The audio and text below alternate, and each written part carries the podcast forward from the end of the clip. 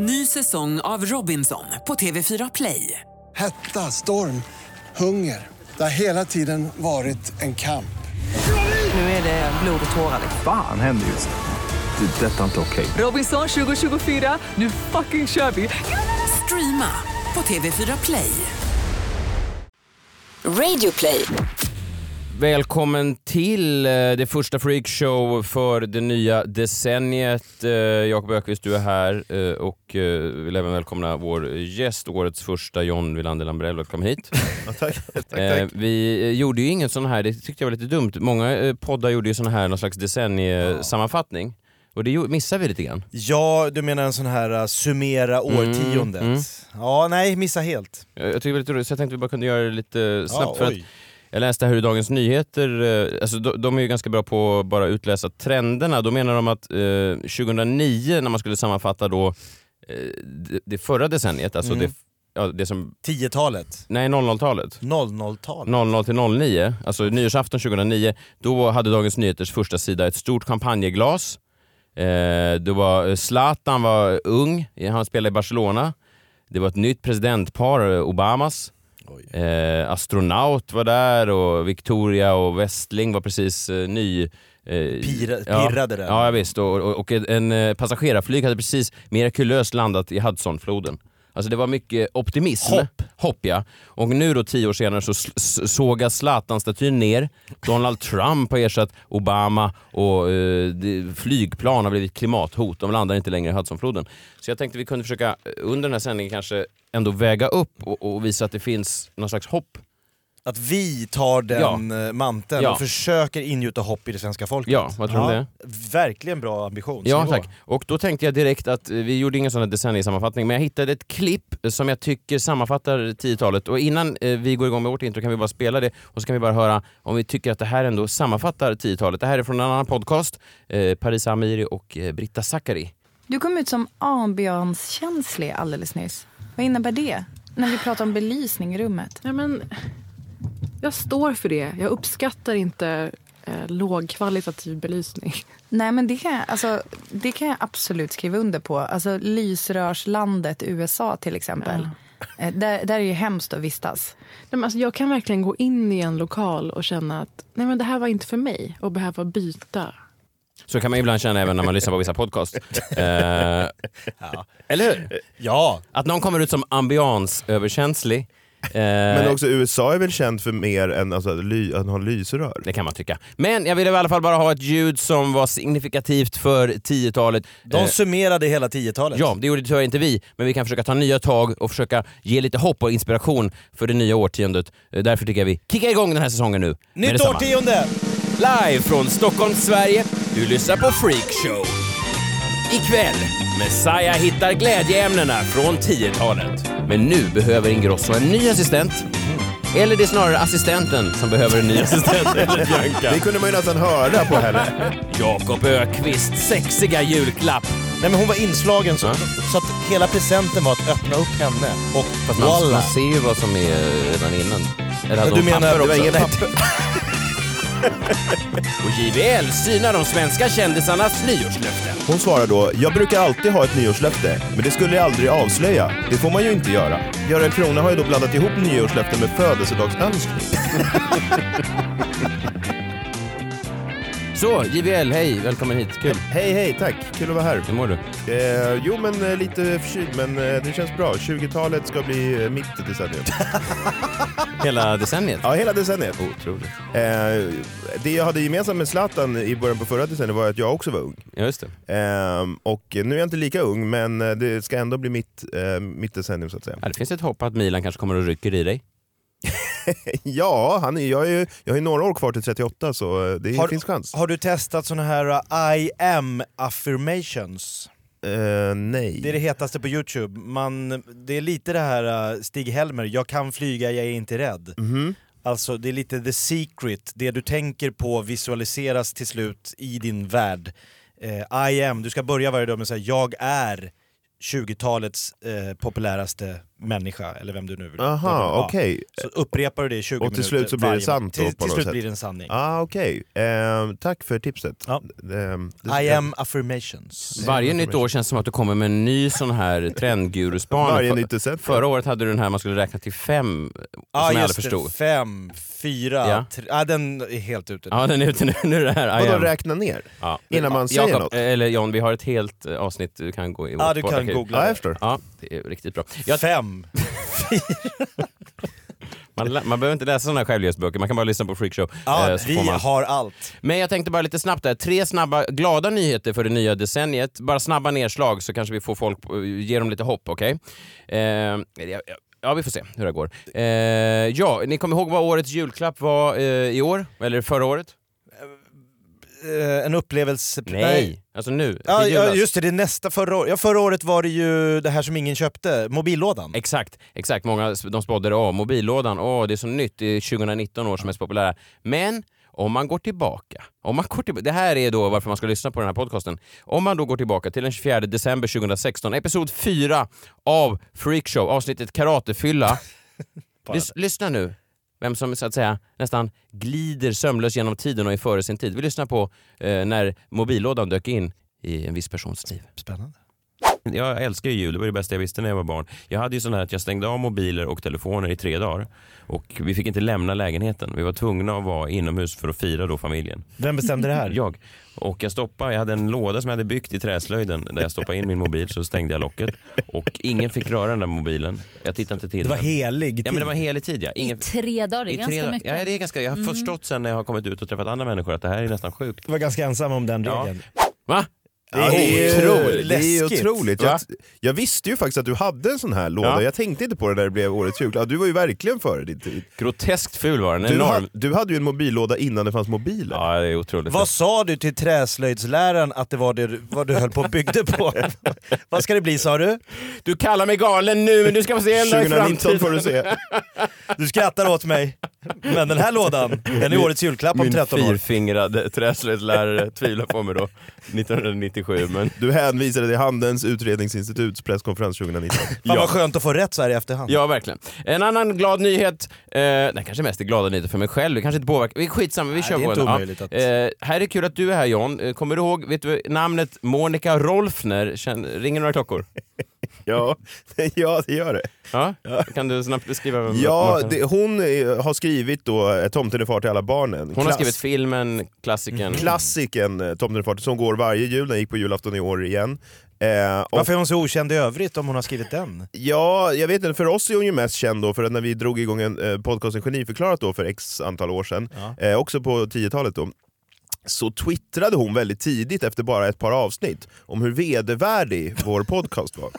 Eh, hon hade alltså en sån här Twitter-harang liksom, Ja, innan ett det rant. fanns ett rant Hon gjorde en Hanif. Bali före Hanif Bali. Verkligen, ja det var så. Och det, hon hatade Geniförklarat Oj. och hon eh, tog även då upp att även om det var på skämt, hon hade skrivit några tweets och sen såhär, jag skiter i om det är på skämt. Det är Jaha. fortfarande fruktansvärt Spelar ingen det de roll. säger. Mm, det var- Ursäktar ingenting. Nej, och det tyckte ju vi var ju då lite märkligt, för om man har sett Tomten är far till alla barnen, så fin, alltså det är ju inte, Ja, alltså, den kan jag ju vara vet. ganska stötande. Ja, men då, är den här glada nyheten då är att Monica Rolfner nu har lagt ner sin egen filmkarriär. Hon ska inte skriva några fler filmer. Och eh, dessutom gick hon ut i, i, i en artikel här i tidningen Expressen precis innan jul. Och så säger hon så här, ironiskt nog. Jag tror nog inte att storyn och skämten i Tomten är far till alla barnen hade tagits emot lika lovande om den hade haft premiär idag. Det är så jäkla känsligt allting, jag tror inte någon skulle våga producera den. Jag menar herregud, man har trygga zoner på universitet där folk inte vågar säga någonting för andra blir så triggade. Ja, det är ju Ja, höjden så- av ironi, för Ja. hon blev ju så stött Jag vet, av Geniförklarat. vet. Det är ju helt, ja, det är ju helt sinnessjukt. Känner du Jakob, du, Ja, ser, men du ni sitter med armarna i kors men, men tycker du Nej, ändå att det kanske kan omvända folk? Eh, De Ni har- sådde ett frö i Rolf nu. Ja, det, är, här kan, det här var positivt för hela mänskligheten det här, eller mest kanske Nej. från min... Jag vet, inte. Det, ja, min också, ja, absolut. sista då, sista Det glada var nyheten. starkt. Okej, ja. Ni kommer ihåg det här hyllade avsnittet när Bianca Ingrosso skulle få en assistent? Kommer ni ihåg det? Ja. Det var nog... Var det ett hyllat avsnitt? Ja, Det var det var, nog, starkt. det, var, det var nog min spaning också. Ja, i alla fall, eh, ni kommer ihåg det. Ja, jävla omtalat. Folk har stått. Aj, det där är jävla kul. Hon, var ingen, hon vill inte bli någon influencer? Nej, det vill hon inte bli. Nej, eh, Lovisa eh, Vorge, som hon då eh, heter, assistenten. Eh, det var ett avsnitt där vi gick igenom eh, en podcast då där Bianca och hennes assistent pratade. Och assistenten framstod ibland kanske som lite, hmm, ja, eh, hon väldigt eh, självsäker, så får man säga. Ja det måste man Och ändå. Bianca lite kuvad. Sådär. Lite passiv. Ja. Hon uppträdde inte som en sån här model employee Nej. eh, gör. Nej, Inte en typisk sån. I alla fall, då hade jag ett, eh, ett, ett snack med några som eh, jobbade med Biancas podcast. Och då sa jag, eh, eller de, den här personen droppade för mig att ja, men jag jobbade faktiskt med Bianca Ingrossos podcast. Och så sa jag, ja, vad kul, vi hade faktiskt ett helt avsnitt som vi tillägnade just Bianca Ingrosso. Hon sa, ja, vet du vad, det var så kul. För vi, eh, en gång när vi hade ett möte med eh, Bianca Ingrosso och hennes assistent, så spelade vi upp hela avsnittet för dem. Oj! Wow. Och, okej, nu kommer det, hur tror ni eh, reaktionen var? Av, för assistenten och. Bianca. Lägger de ner sina karriärer som Monica Rolfner? Nej, nej, eh, de skrattade gott. Ja de gjorde det? De Ah. skrattade så gott. Och, så, och först så tänkte jag, min första reaktion var ah, de skrattar gott, vad kul. Men sen tänkte jag, jag vet inte om det här får mig att tycka mer eller mindre om dem som personer. Men var de Nej, självironiska? det är det, exakt, jag skulle vilja varit en fluga på väggen och kunna avgöra, fanns det någonting i skrattet, fanns det en klangbotten, finns det någonting som... Ja men det roliga med din spaning där var ju att det var ju liksom vdn Bianca Ingrosso som blev hunsad av assistenten i sitt bolag. Så Ja. hade man gjort ett så här undercover boss Mm. så hade man fått vända på steken. Ja. Att det var assistenten som fick vara undercover, eller Bianca hade fått vara Ja, undercover det. assistent. Ja just det. För att det skulle, man skulle förstå Jag menar bara, det var bara en fascinerande tanke att sitta... Tänk, jag jag tänker om man eh, hör ett sånt segment som ändå hade en viss... Det fanns ju vissa, jag hade ju vissa frågeställningar. Finns det någon självreflektion hos personerna eller tyckte de bara att det var skön klackspark? Kunde du inte fråga det? Fast det kanske är... Ja, Mm. Ja, jag vet. Nej, jag vet. nej, den är lite svår. Men i alla fall den goda nyheten då. Ja. Okej, I slutet av förra året nåddes vi av den här nyheten Expressen Aftonbladet rapporterar. Bianca Ingrosso, 24, lever ett hektiskt liv som influencer. Hon har fyllt 25 nu. I början av 2019 anlitar hon därför Lovisa Vorge, 22, som assistent. Men nu behöver Ingrosso en ny assistent. Eller det är snarare assistenten som behöver en ny assistent, eller Bianca. Det kunde man ju nästan höra på henne. Det hette väl avsnittet? I videon på Youtube säger Bianca efter ett tag, vänta nu, det här är ju mer som din assistent, säger hon till sin assistent Lovisa. Ibland skriver ju då all komik sig själv, ibland ler gudarna mot en och att Bianca Ingrossos assistent nu ansöker om en annan assistent, en egen assistent och att 3000 människor nu har ansökt om tjänsten som Bianca Ingrossos assistent. assistent. Det är en sån positiv och härlig nyhet som man bara kan ta med sig in i det nya årtiondet. Så med de här eh, nyheterna, eh, förutspåelsen där med mobillådan, eh, tomten är far till alla barnen Monica och Biancas assistent tycker jag att vi har vänt och dysterkvistarna på DNs eh, framtidsprognos till något positivt. Verkligen. Eller hur? Det glada 20-talet. Det börjar nu. Nu kör vi. Vi nämnde ju då Monica Rolfner som en tidig version av Hanif Bali. Du, det här är det, får mig, det får mig osökt att tänka på att det har kurrats en del på Twitter va? Det har Hanif. Bali, i bråk. Annika Strandhäll. Varsin ringhörna. Ja, kombatanter. Ja. Och eh, folk ställer sig på olika sidor här nu. Det är ett polariserat samhälle vi lämnar. Om det. 20-talet. Eh, Hanif Bali gick då ut i veckan och pratade om att män är mer, har, tenderar att vara otrogna mer än vad kvinnor gör. Mm. Är, är. Mhm. Eh, Annika Strandhäll sa host host, oj är det, är det regalskeppet Vasa som har tagit fram sin? Twitterkonto. ja men hon tyckte det var väldigt Det var dammigt sätt att se på manligt och kvinnligt. Att män skulle vara liksom ute och så sin vildhavre medan Mm. kvinnan står hemma vid spisen och rör om i grytan. Ja, jag, jag, jag har varit medveten om eh, ganska ofta om man någon gång är inne och nosar i de här, i de här, med de här åsikterna, eh, eller sprider de här åsikterna, eh, ens i närheten av de här åsikterna så framstår man lätt som att man har ganska en dammig syn på sexualitet och könsroller och sånt där. Så kan det vara. Då ska jag bara helt enkelt säga, eh, eh, jag ska nu berätta vad en kvinna berättade för mig på nyårsafton. Eh, hon gjorde en liten överraskningsaktivitet för sin man. Så kan vi se, om jag berättar vad hon gjorde, kan ni då tänka er att det omvänt då är jag som gör det här för min fru? Så ska vi se om kvinnor och män är helt och hållet, det spelar ingen roll, man, kvinna, v- v- vem bryr sig? Det spelar ingen roll jag vem du sätter i huvudrollen Är det här. här vetenskapligt förankrat? Det är det det skulle kunna bli. I och med att jag tar en tes här nu. Eller jag bara berättar vad hon... Det var en kvinna, hon var, eh, hon var på vår nyårsfest, vi hade en nyårsfest. Ehm, hon hade inte med sig sin sambo, men då berättade hon att hon gjorde en, hade en romantisk happening för sin eh, älskade man. Hon gjorde en liten sån överrasknings... ja, lite som en tipspromenad kan man säga. Hennes man kommer hem, då är, har hon ställt upp marschaller runt huset som en snitslad bana. Alltså som, är någon slags, som en hinderbana? Följ, ja exakt. Ja. Lite som, eh, vad heter det, Nin, ninja... Vad heter det? Warrior. Ninja warrior. Ja. Man ska ta sig, Oj, okej. inte Genom lika elden? krånglig. Nej. Nej. man, ska inte, men hon ska, man skulle följa den här, du vet som en, som en gång av marschaller Ja, ner till baksidan av huset. Där öppnar han dörren, då har hon ställt värmeljus i en lite mindre då gång som följer in i, i som en liten hemlig, liksom, vad, vad, ska det, vad ska det här leda? Lite, Ganska filmiskt. Ja, Ja. väldigt. Övergår då från värmeljus till röda rosenblad. Som liksom så här, man ska följa blad efter blad efter blad. In i ett rum där hon ligger naken med ett sidenband som enda, alltså som hon har knutit Hon har- som på en julklapp. Var det som ett paket? Ja! Hur, hur, hur har han dragit då, nu vill jag inte bli Jag för tänk- anatomisk, men har Ja, han men dragit alltså, snöret? Alltså, tänk er som en fyr... Men har de då ett rött sidenband mellan benen? Ja, som Okej. går upp över axeln, Inte, ner. o, inte obekvämt? Jag vet att folk brukar klaga på si, stringtrosor och sånt där. Jag tänker att, Men man behöver inte dra åt så hårt. Jag behöver inte slita... att man ska få till en rejäl rosett, Ja, tänker det ska, ja, men sen ska det ju runt midjan också, så blev rosett, så att han skulle då... Tar man in hjälp för att genomföra det här? Jag hoppas hon gjorde det Kan man själv. ringa de här fast- orkarinte.se? Du, Jag har en fråga. Du har fastnat verkligen på själva bandet, Nej, men jag- själva Jag har aldrig inslagningsproblematiken. sett en människa slå in sig själv med en rosett. Har du, John, du, du verkar... Det verkar som att, vadå, har du inte... Nej, men så här, jag vill Binder. höra resten av historien. Ja, för, förlåt. Okej, ja. Du blir mer intresserad vilken uthyresföretag, var det senior, här äldre, färre? Nej men hon var inslagen så, Ja. så, så att hela presenten var att öppna upp henne. Och Fast man, man ser ju vad som är redan innan. Eller hade Du hon menar- papper det Det var också? ingen papper. och han är kan, lite... vad kan det här Det vara? hade ju varit intressant, hur Ja. i helvete hon hade slagit Och in han sig är i papper. sen hem från jobbet. Hon har dött där. Hon dog, i en, Kommer du någon gång? hon dog i en tragisk inslagningsolycka. Han fastnade vid en broöppning. Också svårt att förklara. Jag lovar, det var hon själv som hade slagit in sig. Polisen bara, vad fan tror du vi är dumma huvudet? Fan de tejpat in sig själv, det är du som har gjort det här. Har ni hämtat är kroppen? Kan vi hämta så här kroppssäck? Det behövs inte den här gången. Hon är redan inslagen. Det är första gången någon bärs ut festligt. Ja. Eh, väldigt otippat att, Att han man fick för in sin... den här jättelika julklappen i, i, i kremeringsugnen. Ja, du menar att hon aldrig mer... Man måste väl öppna och se att...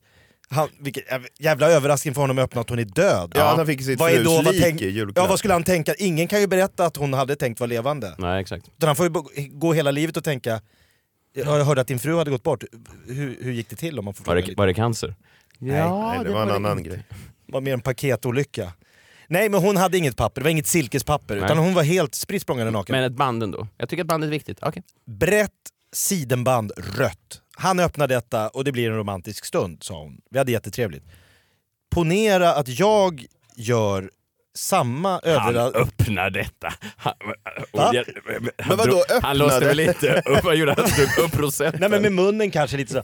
Ja, men var- varför var hon inslagen? Jag förstår fortfarande Nej, men inte hon var en... Jag, jag ger dig mig Ja, men det var väl själv. inget konstigt? det. Det är Hon väl hade ju konstigt slagit att slå in sig själv? Det är väl konstigt? Varför är det ingen som Ja men det, reagerar? var väl, det skulle väl vara lite konstigt? Okej, okej, okej. Ja men om man ska överraska så måste man ju överraska. Det är ingen överraskning att dess fru ligger i sängen, det är fan det enda hon gör. Det är du igen. Det är det. Ja, men- ja, men ja, men, Om det hade legat en annan kvinna inslagen i hans säng hade han varit förvånad. Ja, det är en present. ja, men hon har ju aldrig legat naken inslagen Nej, i ett Men det, var, sidenband. men det, är okej. också, det säger ju också lite så här att hon, alltså att hon objektifierar väl lite, alltså Ja. presenten skulle, eller julklappen skulle vara då att så här, du får göra lite vad du vill med mig. Ah. Du menar att ha- det här kanske var skulle jag test tolka på det. hans genustänk? Nej men jag skulle Slår du upp mig är du ett svin. Han drar upp rosetten och så, nu, din, nu har jag dig din jävla... Vadå, att han är- Din jävla vadå, mansgris! ett- Är jag bara ett paket för dig? Ja, det ser lite ut som ett älskling. Vad fan, det är jävla typiskt vadå, män. hur Och bara, Jag är så mycket mer. Jaha, så han skulle bara stängt dörren och gått... Ja, det var det som... Han skulle, han skulle bara jag bara en skilt henne. julklapp för dig. Ja, och du har en sån klisterlapp där det står från... Du har haft- nej, Men men, vad gjorde det? var, nej, han ja. slog väl upp henne, eller han öppnade väl paketet. Jag Men, hoppas men var det ett rim också? nu kan du mig äntligen hitta, nu ska du få smaka på min... Ja, det Ja, ja, och så vidare. Ja, det kan ju vara ett längre rim än så. Jo. Det behöver, inte vara så direkt, det behöver inte vara så direkt heller i rimmet om du ser vad du har där i. Hoppas det här passar ditt stuk. Nu vill jag smaka på ditt... Ja, men, Mix Megapols julrimstuga, vad, vad ska du slå in? Bingolotto Supersittarkväll. Ja, vad Ja, du Rickard trisslar bort. Olsson här, vad, Elisabeth i Vansbro, vad ska du slå in? Förlåt? Ditt, ditt kön? Det, det här var ju inte ens julafton. gjorde du menar bara- nu att om du hade gjort det här så hade det varit konstigt? Jag tänker att om min fru kommer in, följer någon form av rosenbladsbana med tända ljus, jag ligger och har slagit in, då blir det ju bara själv, jag, kan inte, jag gör nog ingen hela, utan bara själva en dubbelrosett kanske. För, Mm. Inte dra för hårt där, nej. Kring penis? Ja. ja. Och frågan är, ska det vara en glad eller en... Nej, det... det, det Och det blir ändå ja. sorgligare bara... Ja, om den inte är glad blir Ja, det ju du ligger och konstigt. sover med rosett kring penis. Jag somnat. Ja, nej, det Och blir hon... Shh, låt han sova vidare barn. är- Hon har tagit med barnen runt. Ja, men då är det ju svårt Varför att se att, att det var någon, alltså om du bara har en liten rosett kring... Alltså då ska, Ja men det går ju Ja, inte för en man nej, att göra nej, en sån nej, här exakt, aktivitet. nej, För en kvinna är det något äggande, eller, Ja. Ja. Hur menar du att det här eh, eh, bidrar till forskningen? det här bevisar min tes. Vad är tesen? Säg det nu. Ja men någon form... Jag, vet, jag ställer mig mitt emellan Hanif Bali och Annika Strandhäll. Jag tror det finns situationer Ja. där män och kvinnor har olika fördel, nackdel Ja. i det sexuella spelet. ja, verkligen. Ja, jag förstår. Tack regalskeppet Vasa.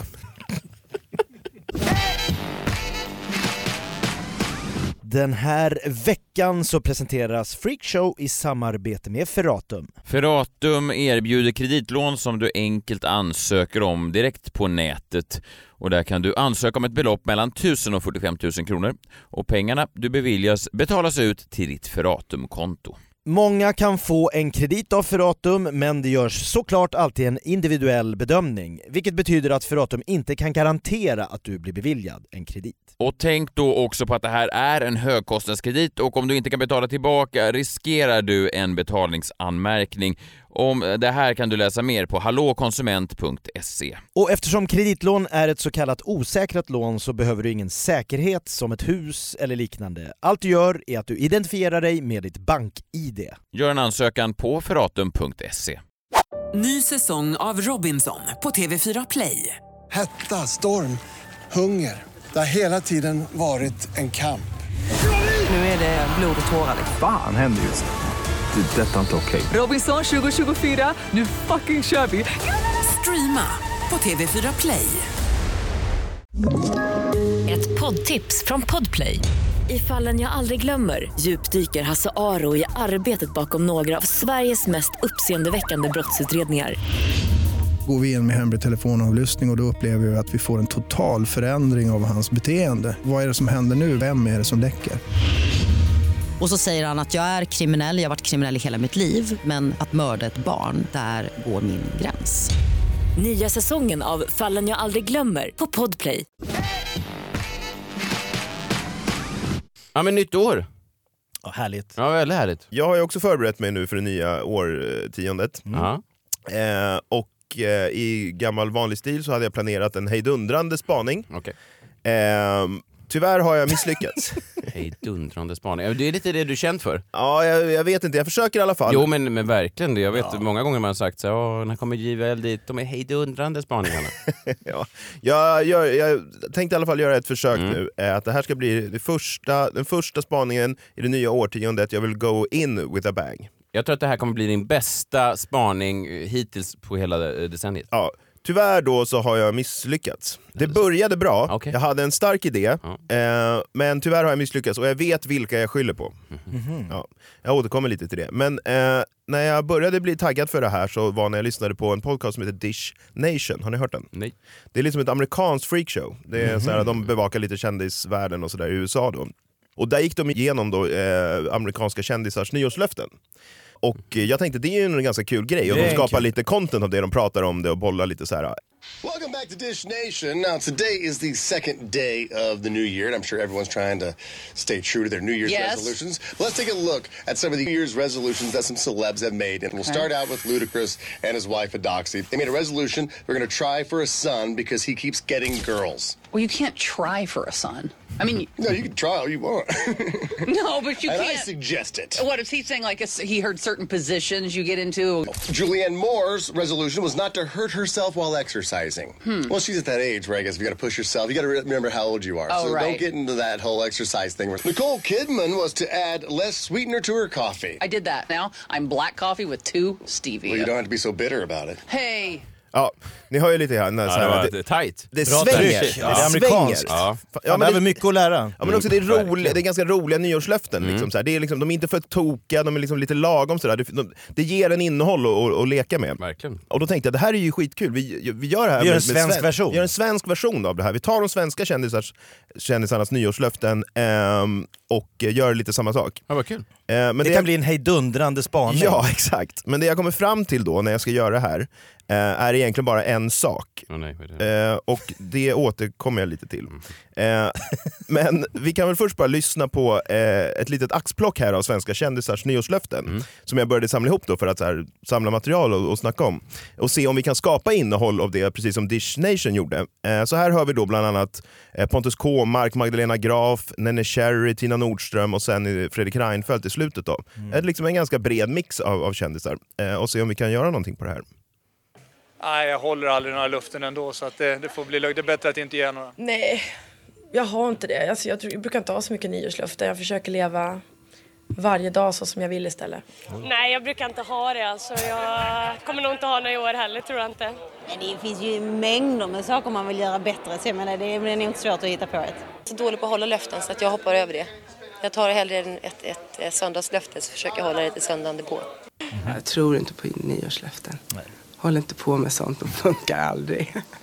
Nej, alltså jag, eh, jag fungerar inte längre så att jag liksom eh, samlar ihop mig vid ett tillfälle om året och tänker nu är det dags att börja avge löften. Utan jag har kommit på att det där kan man, ett samtal man kan föra sig med sig själv kontinuerligt. Ja, det är Klick, alltså klick, klick. ett samtal man kan föra med sig själv kontinuerligt, säger Fredrik Reinfeldt då. Ja, kan vi skapa innehåll kul. av det här? Det är inte lika eh, kul som, som Ludacris eller, eller eh, de andra. Nej. Jag ska göka fram en son är ju mer än... Jag, jag gör det här på sönd- varje söndag. Så. Ett söndagslöfte? Alltså, Söndagslöfte varje söndag. Ja, jag tycker det här blev ju väldigt svårt att jobba med då. Eh, och det jag kommer fram till är ju alltså att det behövs nya kändisar i Sverige Ja. nu när vi går in i ett nytt decennium. För de andra har blivit liksom trötta. Mm. Ehm, eh, och jag känner att jag behöver motivera det här lite grann. Eh, så här är då tre skäl till varför jag tycker att det behövs nya svenska kändisar. Och allt bottnar i det här med nyårslöften då. Ja, de var trötta. Reinfeldt lät ju knappt som att han ens orkade avsluta meningen där i slutet. nej, nej, och det, ja, nej, verkligen. Och, men det, det roliga med det här är att så här, eh, det här liksom säljer. För Aftonbladet har en stor artikel då, kändisarnas nyårslöften för 2020, som de gick ut med. Den låg högst upp på Aftonbladet i flera dagar och sådär. Eh, kan ni gissa hur många kändisar som de frågade? 22. 76! Vilket är ju jävligt mycket ändå. Mycket kändisar, Alltså, mycket det ringade. ringa, Man har ringt och 76 Mm. samtal Mm. eh, och frågat om det här, vilket måste ju tagit då liksom nästan flera dagar Ja. för en reporter. Eh, så Aftonbladet vet liksom att det finns ett intresse från folket om det här. Eh, på frågan då, vilket är ditt nyårslöfte? Så här är mina, ny, mina skäl då, tre skäl till varför det behövs nya svenska kändisar. Ett, Svenska kändisar är tråkiga. Trots tid för förberedelser så är de helt tomma.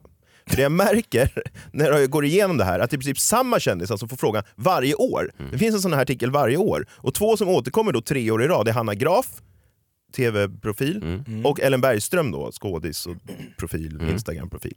Och de svarar då, Hanna Graf svarar, har inget nyårslöfte och ska nog strunta i det. Ellen Bergström säger, ingenting, jag har aldrig haft det och kommer aldrig ha. Man ska kunna göra löften till sig själv hela tiden, inte en speciell dag. Så de har haft ett helt år på sig att komma på något kul att säga och ändå lyckas de inte. Men Här- henne behöver de ju inte ringa upp. Där kan de ju copy-pasta, i och med att hon, har aldrig haft och kommer aldrig att ha. Nej, men, så vet ju Men det frågan är kanske ändå att det är värd att upprepas, men det kan ju komma någonting. Det kan ju Har komma något. Ja. De hoppas ju ändå. Ja. Alltså, de, de lyssnar också på Dish Nation och tänker fan det här vi vill ju, vi vill ha också sånt här innehåll. Ringer du Hanna igen? Nej men vad fan hon har ju inget. Hon, fan, men ring nu. Vi tar några andra exempel här. Anders Hansen i ropet Ja, i år. verkligen, verkligen i Mest ropet. lyssnade sommarpratet någonsin. Eller något så. Han säger avger aldrig några, håller de ändå inte. Nej, men då är det ju... Charlotte Bouvin Gifta sig med honom kan inte vara bra. Avger aldrig löften, håller de inte. Samma, Tager som, du denna? samma som varje år och jag tänker aldrig avslöja vad det är. Peter, det är Peter Harrison, jag har inget. Mitt löfte är att aldrig avge ett nyårslöfte. Man kan aldrig hålla det i alla fall. Kan aldrig, det hur vet han det? Måns Möller, 44. Komiker! Ja, ja, ja. Ändå någonting? ja.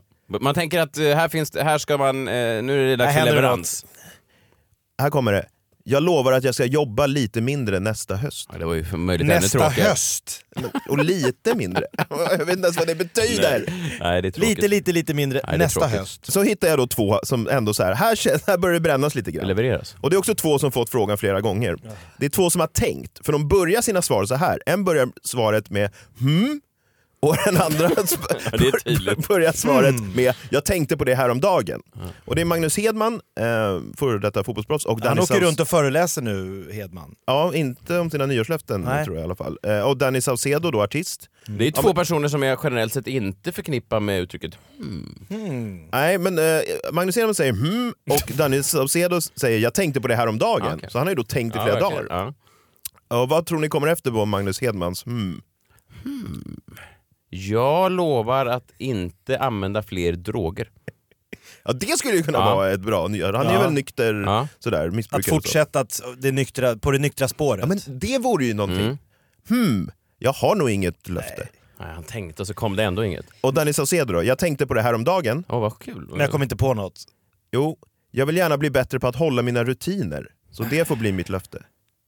Jävla tråkigt. Att hålla sina Vad rutiner är det? löftet för nya Jag vet året. inte vad det betyder. Nej. Magnus Hedman och Danny Saucedo har då tänkt efter. Ja, de har Och det enda de kunde komma på var inget löfte och bli bättre på att hålla mina rutiner. Ja, Svenska kändisar är tråkiga. otroligt tråkigt. Ett skäl till att vi Mm. behöver nya svenska kändisar. Två, svenska kändisar är korkade. De vet inte vad ett nyårslöfte är.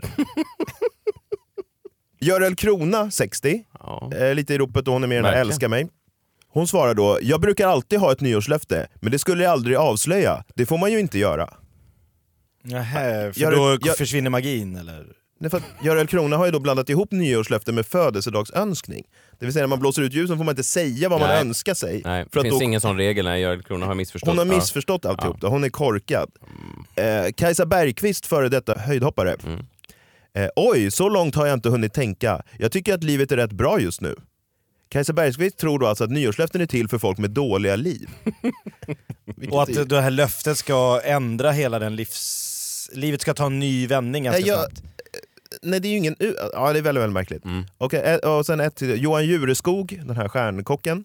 Eh, jag... Eh, Gör jättegoda burgare. Ja, jag träffade honom förra året första Pigg. gången. Aha. väldigt så... Eh, mycket man. Vad tror ni att hans nyårslöfte var då?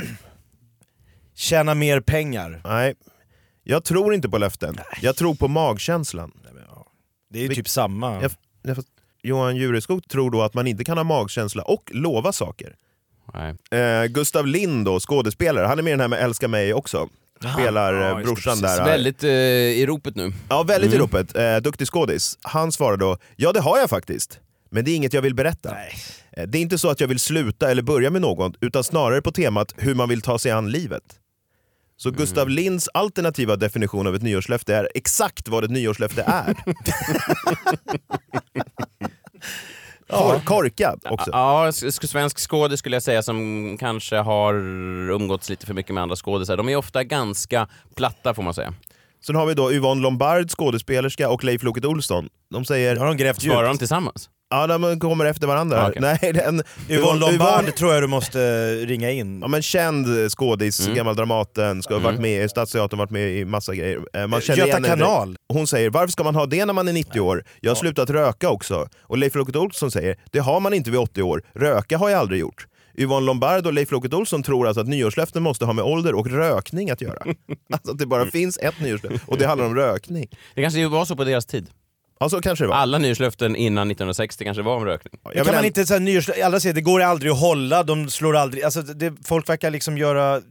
Varför inte bara säga den här, det här året ska jag försöka ha mycket roligare än vad jag hade förra Ja, men året. de är antingen- Ska jag ta tag i saker och ting, jag ska ut och resa, jag ska Ja, men- göra något. Ja, men för att de är antingen tråkiga eller korkade. Korkade. Eller, eller tre, svenska kändisar eh, behöver ta ett chillpill. Ah. Ja. Simon där. Hermansson då, årets Bachelor. Såg ni Bachelor? Eh, jag såg några rubriker med den här, just den här killen var väl han som alltid var arg? Ja, han men blev förbannad hela han tiden. var förbannad och... Hur kan man vara arg? Lite, fo- folk tyckte han var lite dryg då. Eh, skvaller inifrån produktionen säger ju att många tjejer ville åka hem men att de som jobbade med kvar. produktionen var, sa, sa liksom, stanna kvar, det, det, det, vi, vi fixar ett bättre rum. Eller. Hans nyårslöfte då, att radera Instagram. Men det kommer aldrig att hålla ändå, det vet väl alla, haha. Men mitt generella nyårslöfte är väl att ta hand om mig själv. Man glömmer ofta bort sig själv oavsett vad man har för status. Han ser ju ut att ha tagit hand om sig själv. Ja, jag är inte säker på vilken status Simon menar, men jag tror han menar någon typ av hög status om man har sett eller hört honom någon gång. Så även han menar då att man ska ta hand om sig själv även om man har hög status som han har då. Chillpill, eh, Simon. Mm, ja, verkligen. Men det är ändå ganska högt att vara en av två bachelors. Den enda i historien som har inte kunnat hålla själva bachelorn själv, som är Ja, det idén. behövs. Jonas Sjöstedt då, partiledare för Vänsterpartiet.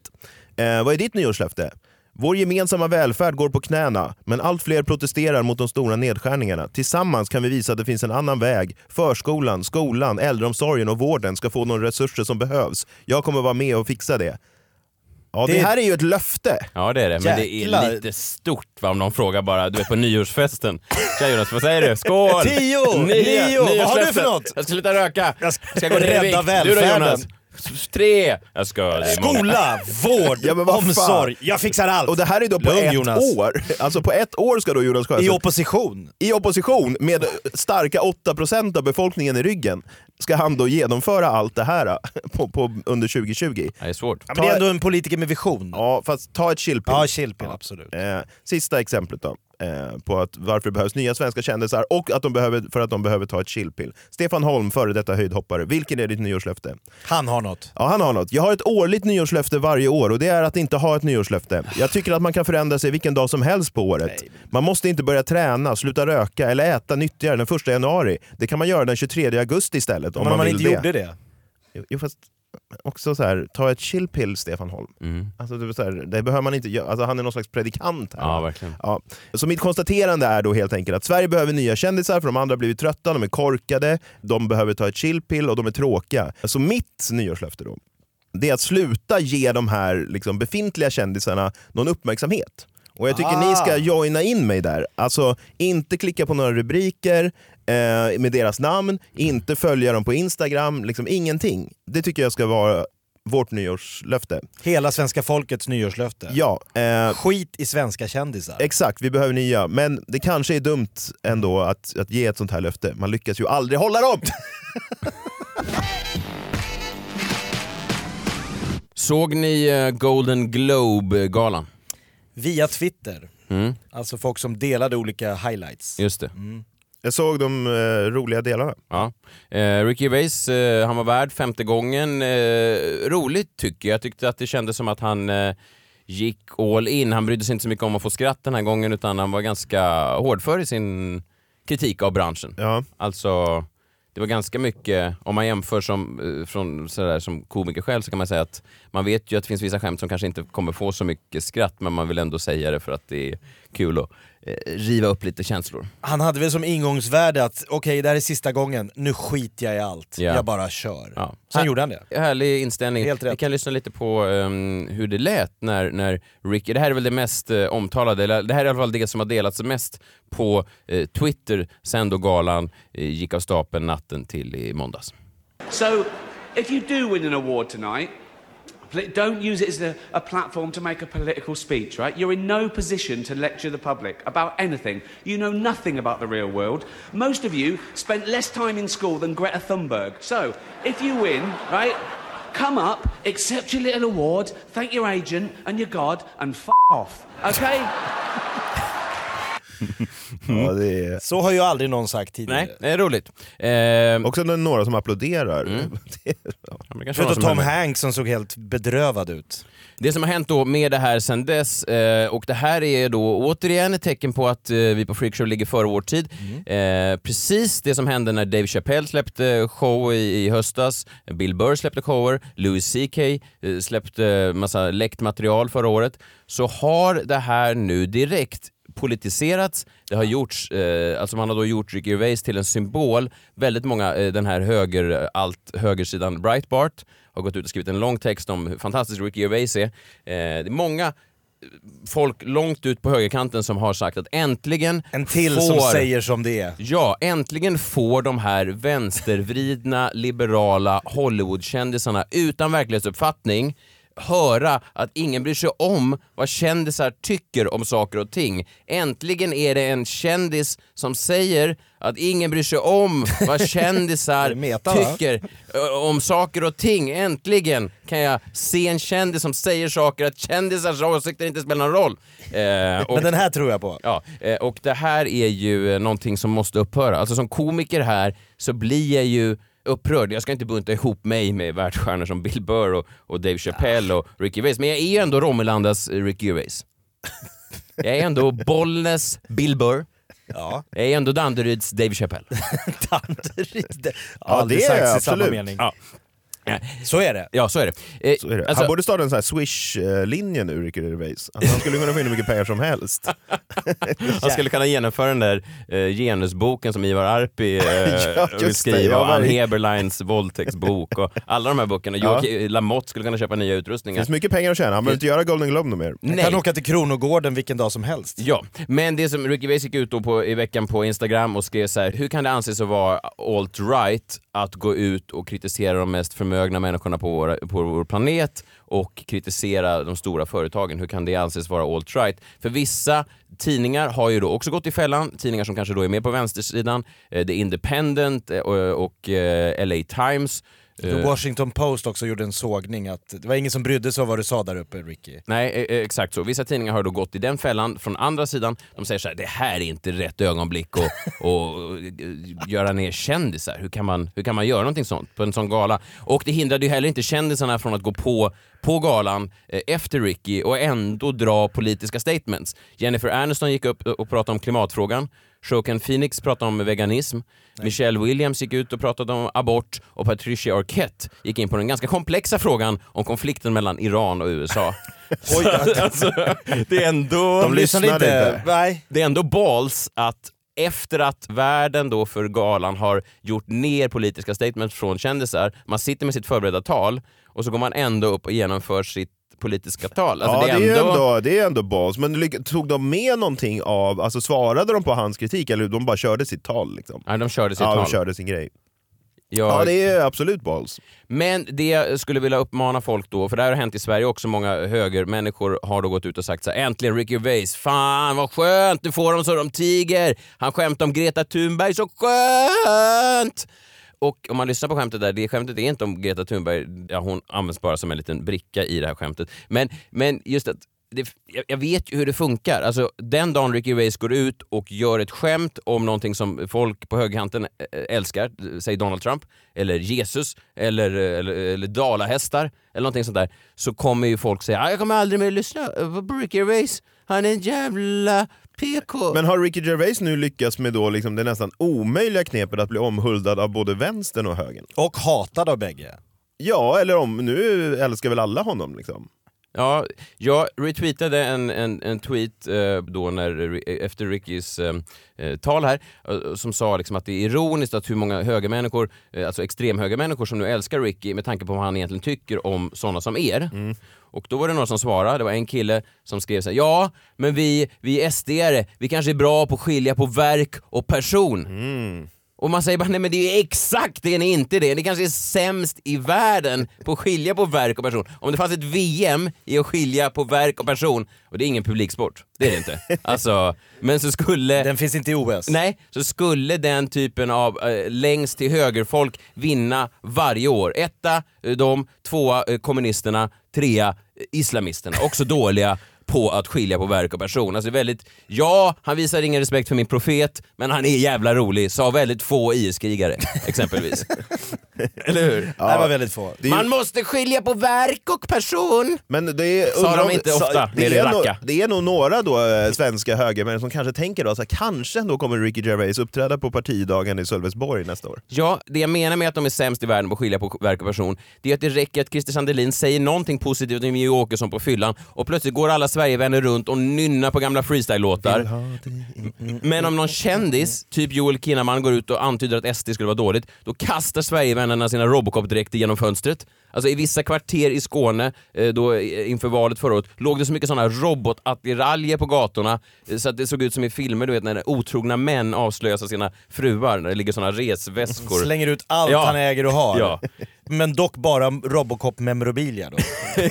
som de älskar. Den enda filmen. Ja. Lite snabba cash memorabilia också kanske. Ja just det, kanske samla på sig. Ja men min poäng är att komiker är ju inte, i alla fall bra komiker, det finns en eh, komiker som var uttalat liksom höger och det var Dennis Miller i USA, han hade ju då en politisk avsikt Då visste slå- alla om det. Ja, det visste alla om det. Men det här att man ska försöka ta någon som bara bryter mot tabu och göra dem till höger eller vänster, det är så jävla infantilt och korkat och jag hatar det och jag, det måste få ett stopp att man försöker stoppa in folk. För det är inte som att Ricky Gervais går ut och tar en öl med, med liksom massa högerextrema och säger så här, fan vad skönt, nu, nu sätter vi åt Liberalerna tillsammans. Nej, liksom han kommer inte- bli inbjuden dock. Jo jag vet, men de kommer ju bli så besvikna, det är Ja. det som är problemet. För att komiker agerar liksom, om det är bra komiker så agerar man i någon slags tomrum eller någon slags mellanrum mellan höger och vänster. Man är Men politiskt är det inte obunden. så att samtiden är så sinnessjukt politisk just nu så att vilket ord du än använder när du står på en scen, så aha han är sån. verkligen. Och så byter vänta, nej,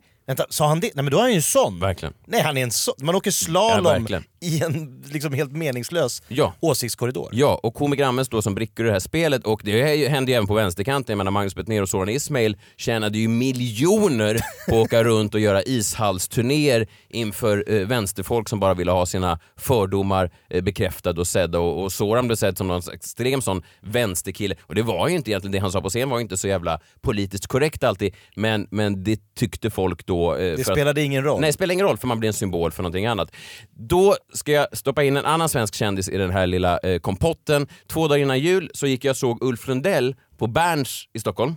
Wow. Ja visst, eh, härligt. Han hade eh, spelat på Berns två dagar i rad. Fantastisk spelning. Och, Hyllad spelning. ja, verkligen. Det var inte en inställd spelning. Nej, det var en väldigt, väldigt fin spelning. Det som var intressant då... Eh, jag Mycket män i publiken. Eh, det var mycket män i publiken, jag kanske var yngst där. Ja.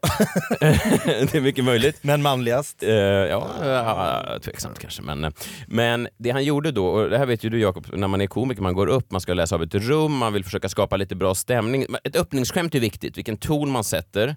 Det säger Adde Malmberg, viktigast är första skämtet. Exakt. Skulle du då kanske gå upp, folk är där, de är laddade, de vill sjunga med till gamla rockklassiker kanske. Oh la la, jag vill ha dig och så vidare. Ja. Skulle Snart då... kommer änglarna och landa. Ja exakt, fantastisk låt. Eh, skulle du då gå upp och i åtta minuter ha ett politiskt brandtal om Sverigedemokraterna, det första du gör, inte en låt. Nej, kanske köra några låtar, Ja. känna att nu Ja. är det varmt. Ja. Här lägger jag in mellanspelet. Inte Ulf Lundell. Han gick upp, folk stod "Öh, Uffe, Uffe.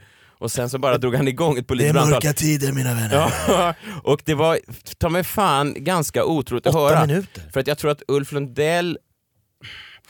Jag- tror att samma män som idag i stor utsträckning röstar kanske på SD, Har alltid gillat Uffe. väldigt tidigt i alla fall, gillade Uffe. Ja. Eh, I sin ungdom stod och skrek Uffe, du har fångat livets essens va? Och då röstade du på Göran Persson. Ja, eller någon sån gammal eh, gråsosse. Ingvar Carlsson. Ja, de gillade Stig Malm. Jag vet inte fan. Ja. Vi kan lyssna lite på hur det lät när Ulf Lundell talade till eh, eh, Ja, du har en bootleg. männen på, på, på Berns. Och jag vill be om ursäkt nu för att ni vet hur Ulf Lundell brukar låta lite otydlig Lite. när han står i en sån en svindyr inspelningsstudio. Det här är då upptaget med en mobilkamera På Berns. på Berns på en konsert så man kanske inte hör vad han säger men jag kan, eh, Ja, du förstod jag kan sa. transkribera efterhand. Sverigedemokraterna är det största partiet i det här landet idag. Ska vi upprepa det en gång till? För det är så otroligt och så obekvämt och så jobbigt och så förjävligt. Sverigedemokraterna är Sveriges största parti idag. Hur fan gick det till?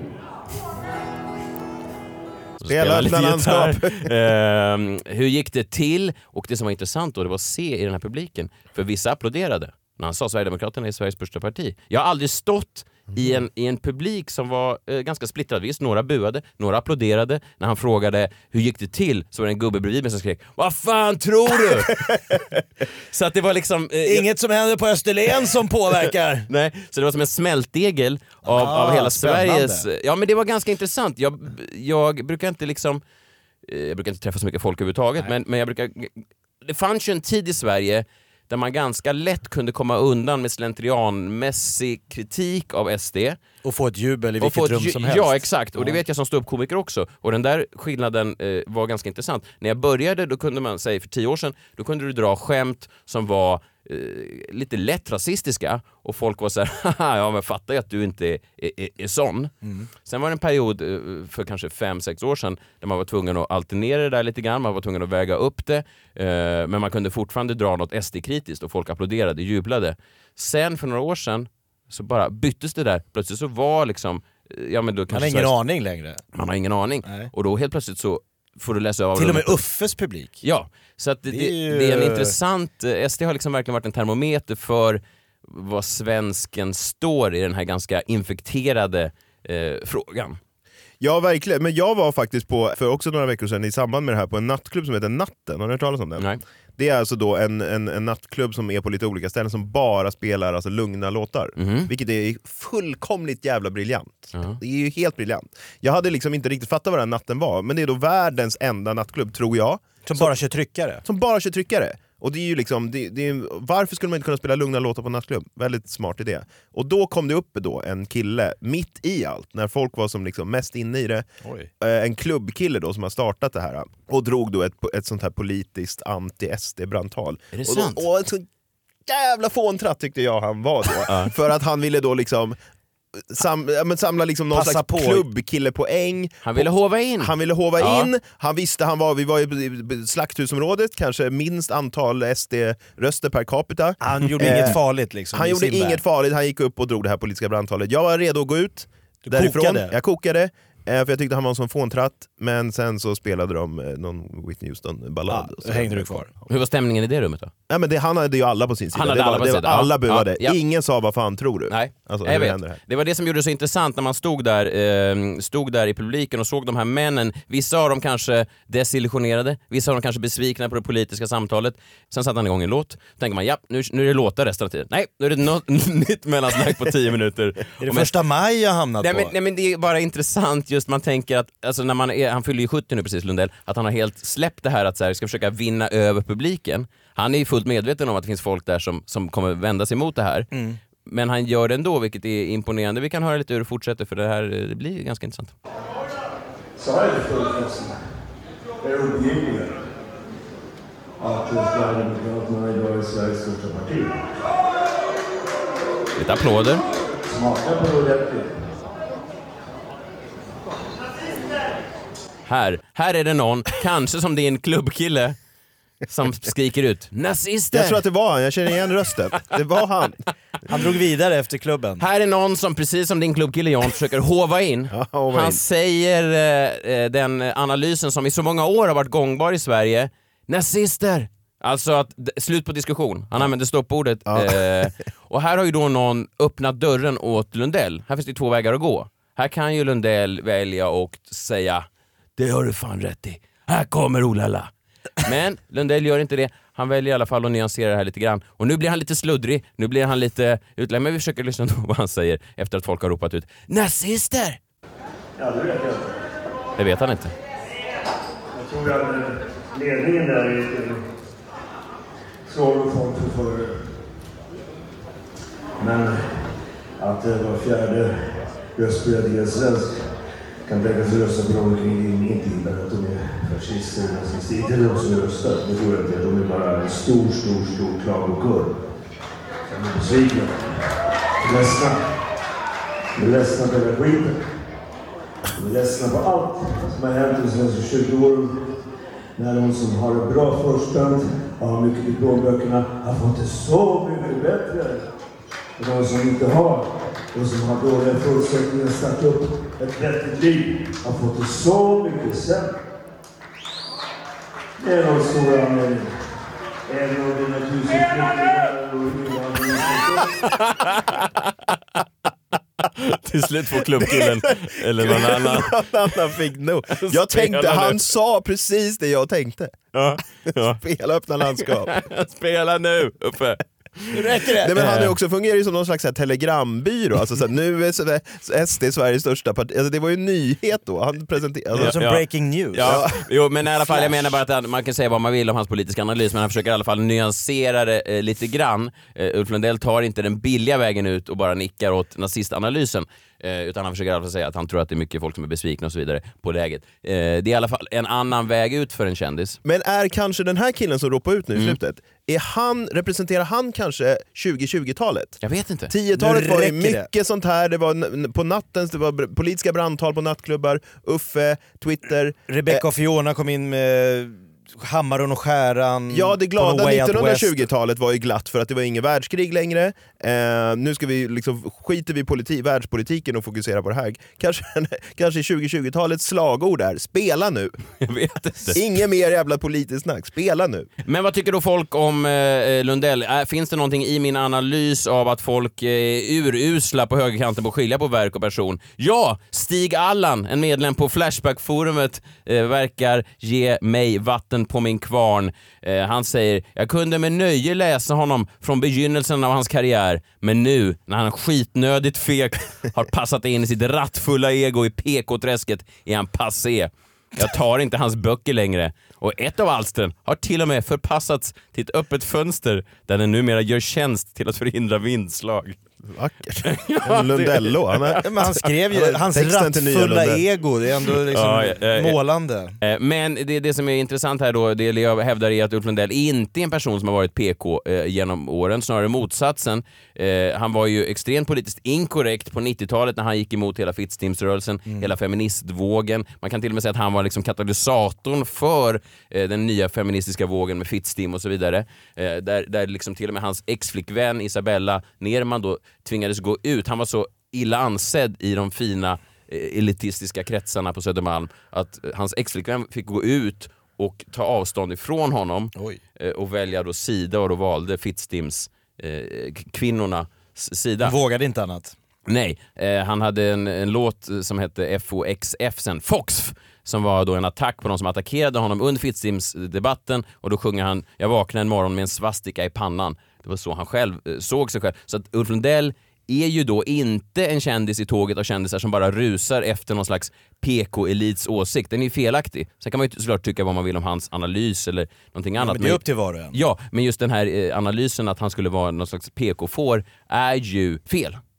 Men hans bok används just nu som vindskydd hemma hos Stigbjörn. Ja. Men däremot så kan jag ju då förstå varför eh, folk som röstar SD kan anse att han är en sån kändis. För det fanns ju som jag sa en tid där det var ganska lätt som kändis att få lite vind i seglen av att ha den här åsikten. Alltså, Snabb genväg att ta. Ja, men många Swish-konton öppnades ju där eh, i de tiderna. Ja, det var, det, var en ganska, det var en tid då man ganska enkelt kunde paketeras som anti-SD och på så sätt var garanterad en klapp på axeln. Alltså det var liksom en outtalad överenskommelse mellan alla som var något. Du fick direkt leda Musikhjälpen. Du, du i alla fall hade en större chans än om du hade gått ut och varit pro-SD. Verkligen. Det var väldigt få eh, aktiva SD som gick ut och ledde Musikhjälpen. Det hade ju varit intressant det också. Mycket intressant.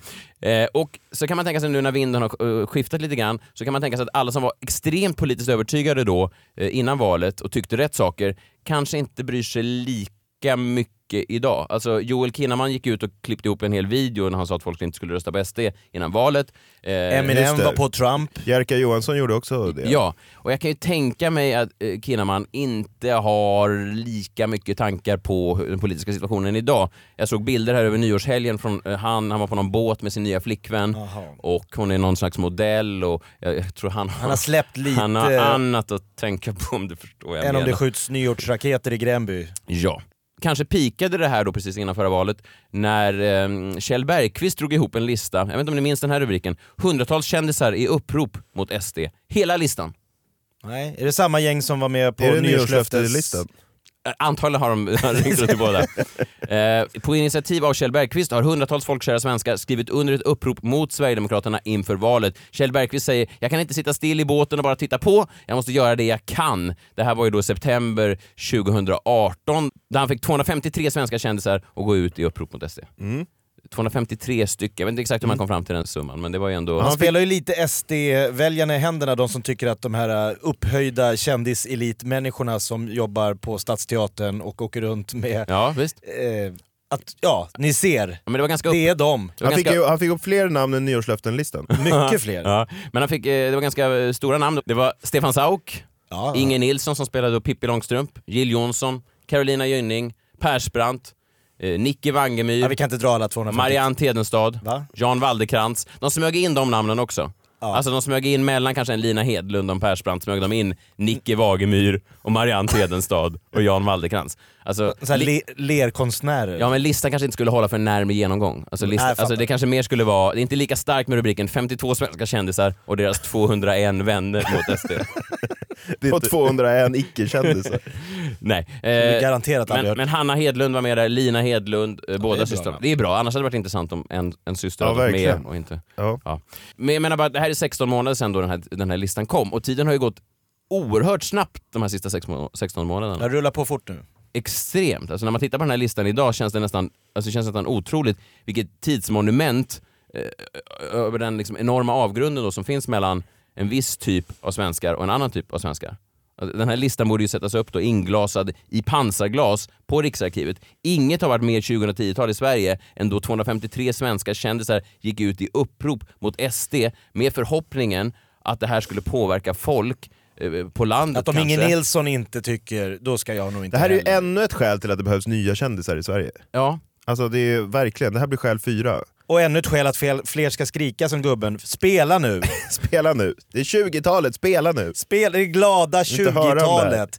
Ja, men- Sluta med insändare. Men kanske idag att de här kändisarna, vissa av dem har annat för sig. Kanske bryr de sig inte exakt lika mycket idag. Kanske har vissa sträckt upp ett finger i luften och känt, vet du vad? Så mycket bryr jag mig inte om det där med politik längre. Ja men det var det. Eh, Jävla start på nya årtiondet. Det Ja, glada verkligen. 20-talet. Det har börjat med oss. Ja, hoppas det. Ja. Eh, hoppas eh, vi har, Inga löften i övrigt. vi har gett dem någonting att, att glädjas över. Hoppas att vi har gett dem lite, någon slags... eh, En liten varm brasa, Ja. lite tröst. Ja, du, du började eländigt där med DNs Mm. mörka uppmålning av 2020. Ja. Jag tycker att det, löftet är inget mer sånt, nu ser vi framåt. Spela nu.